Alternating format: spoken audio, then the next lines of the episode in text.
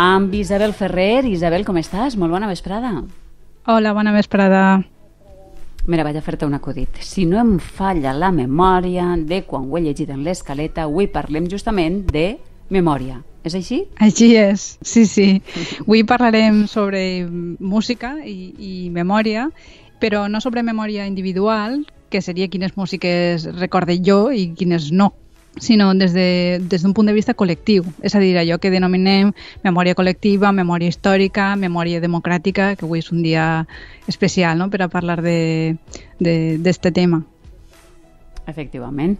Eh, hi ha moltes eh, novetats en aquesta qüestió perquè el Consell de Ministres ha aprovat i aquest projecte de llei de memòria democràtica, no? que establís moltes qüestions, eh, mira, dos importants, prohibirà la Fundació Francisco Franco i crearà una fiscalia especial, o sigui que avui precisament és encara més actualitat aquest espai de la música que ens porta Isabel Ferrerí. Però on comencem, Isabel, aleshores? Jo començaria per, per dir una obvietat, però que quan rasquem sobre el tema de memòria veurem que no ho és tant, perquè avui en dia jo crec que tot el món ja hem interioritzat i distingint d'una forma fàcil que quan parlem de memòria col·lectiva no ens estem referint a que tots els membres d'una comunitat recorden els mateixos fets. La memòria històrica o col·lectiva és allò que recordem com a comunitat, és a dir, els fets que com a col·lectivitat hem acordat que ens representen mm. millor el nostre passat. Mm, per tant, és una tria, una selecció. Exactament, és, una selecció que fem de vegades involuntàriament, però la major part de vegades és una tria voluntària, però de la qual no som molt conscients. Esta tria explica, a més a més eh, del que som, serveix per explicar com volem ser i sobretot com volem que ens miren la resta de la gent, la resta de comunitats. Per tant, va molt lligat a la nostra identitat i amb aquest rerefons escollim algunes coses del passat, músiques i, i, i altres coses, i n'eliminem altres. Ah, ja saps que a mi sempre m'agrada demanar-te un exemple ràpid. Sí, ara un altre exemple que està prou en, en d'actualitat és que durant molts anys massa gent no va posar en dubte la figura de Cristòfor Colom i la conquesta d'Amèrica, entre, entre cometes. Mm -hmm. De fet, fins i tot era un poc al revés. Teníem estàtues que ho commemoraven d'una forma, diria que positiva. Eixa gesta formava part de la memòria històrica de moltes persones i actualment, per, per diferents costats, s'està començant a qüestionar les estàtues, la figura...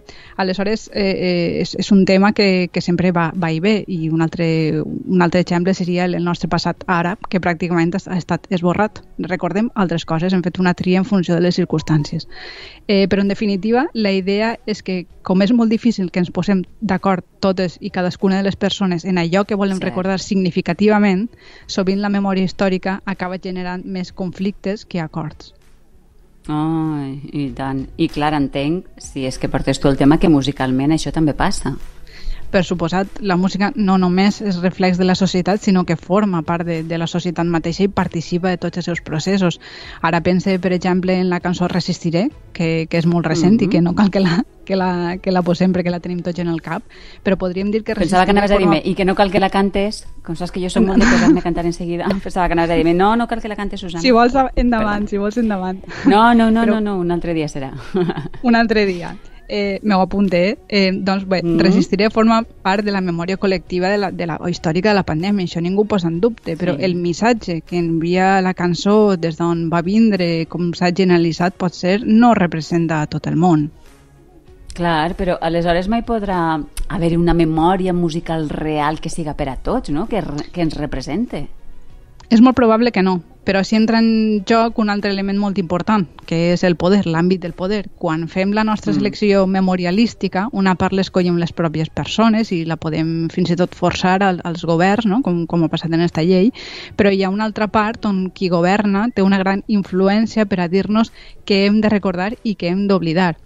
I en aquest aspecte, on es veu millor eh, esta selecció memorialística és quan hi ha hagut un règim polític dictatorial. Les dictadures són molt més que especialistes en la selecció de memòria. Gran part de l'èxit d'una dictadura, diria jo, a més de la repressió, que, que ja ho sabem tots, consisteix en crear un relat pseudohistòric, o sigui, memorialístic, mm. que, que la justifique, que la faci creïble al projecte que teneix de nació. I això es fa a través del que s'ensenya o no a les escoles, de les estàtues, de les cerimònies, dels homenatges, i és clar, també s'inclouen algunes músiques i no altres. Clar, i mira, jo ara estic pensant, Isabel, en la història recent del segle XX. Sí, és una de les mostres més clares perquè qualsevol de les dictadures del segle XX agafa uns referents musicals i n'elimina altres. I, per exemple, podem escoltar aquesta música,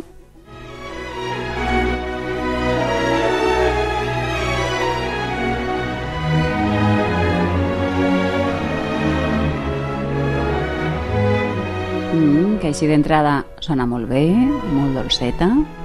Sí, bé, podria ser una peça innocent per a orquestra, però el règim nazi no la va promocionar perquè Mendelssohn, el seu compositor, era jueu i en la reconstrucció del que havia de ser la memòria de la música alemanya, segons el règim nazi, això no era possible. Per contra, van començar a inflar figures com les de Beethoven i Wagner, no perquè foren nazis ni molt menys, eh, no havien nascut, eh, sinó perquè els pareixia millor per a mostrar la seva imatge nacional del que havia de ser la memòria històrica del passat musical dels alemanys. Mm, però escolta'm, això el franquisme també ho va fer, no?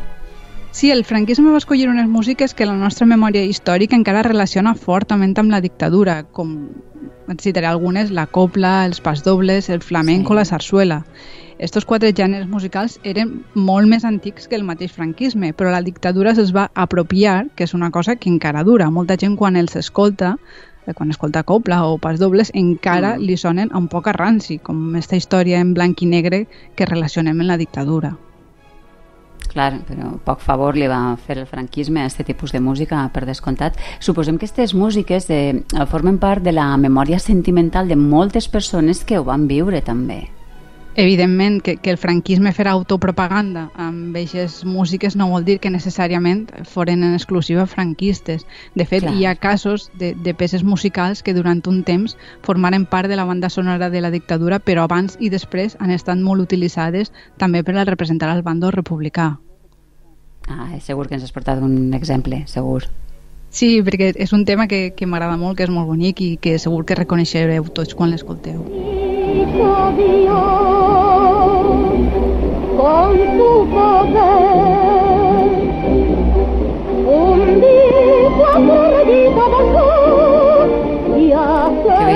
so antic i tot, eh, de, del disc. E, este pas doble és molt conegut.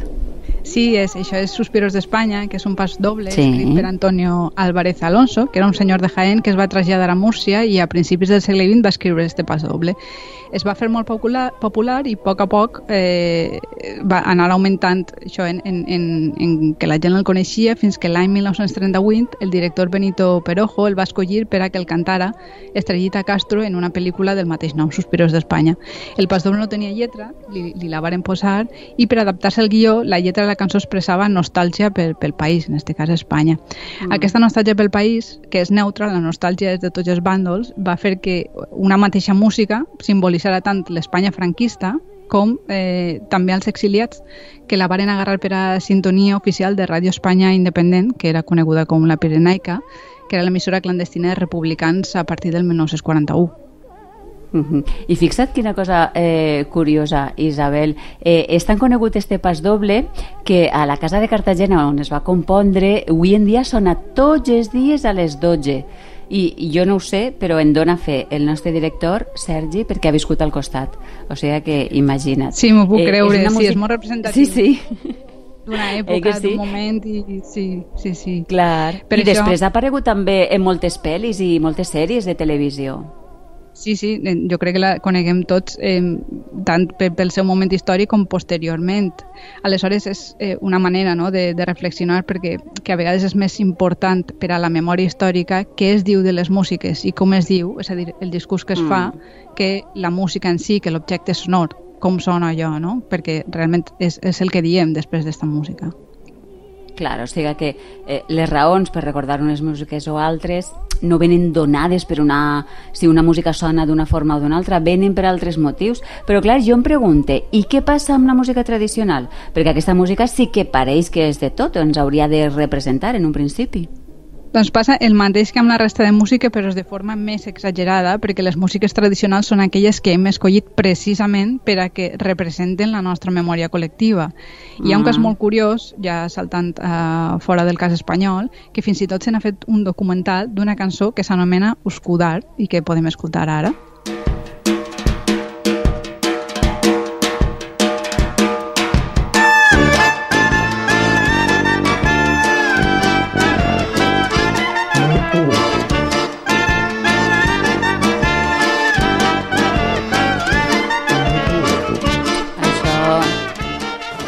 Sona un poc a, a música balcànica, no? Sí, és, és, esta cançó és molt coneguda per tota la zona dels Balcans i s'estén fins a l'actual Grècia, Turquia, etc. Com sabeu, la zona està formada per moltes comunitats que per diferents motius han tingut una convivència molt, molt truncada i hi ha un documental que s'anomena De qui és esta cançó, que va descobrint com la mateixa melodia la, que, la consideren com a pròpia i exclusiva tant albanesos com turcs, macedonis i una bona colla d'identitats que, que viuen allí.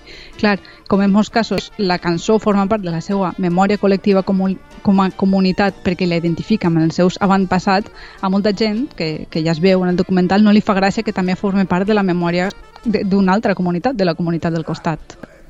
Mm. I una última pregunta. Isabel, pot canviar eh, amb el temps la memòria d'una música? Sí, sí, en qualsevol moment i escoltem ja l'últim exemple que també segur que heu escoltat tots per a veure com això pot succeir. Partigiano, porta mi via, que mi sento di morir.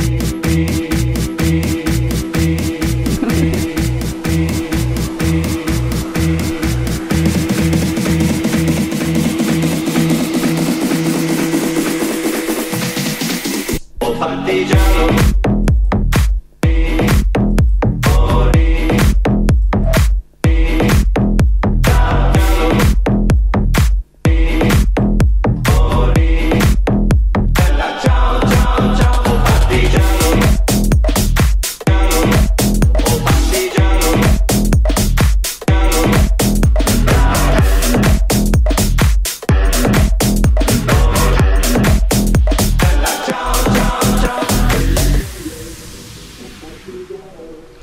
Oi, així han fet un bon remix, eh? I a mi m'agrada més la, la versió original musicalment. Sí, sí. És, és, esta cançó és molt, molt coneguda, ja tot, tots ho sabem que és, és, és Bella Ciao. Esta cançó, que no mm. se sap l'origen remot, diguem, va acabar esdevenint un himne per a la resistència italiana mm. contra el feixisme i el nazisme durant la Segona Guerra Mundial.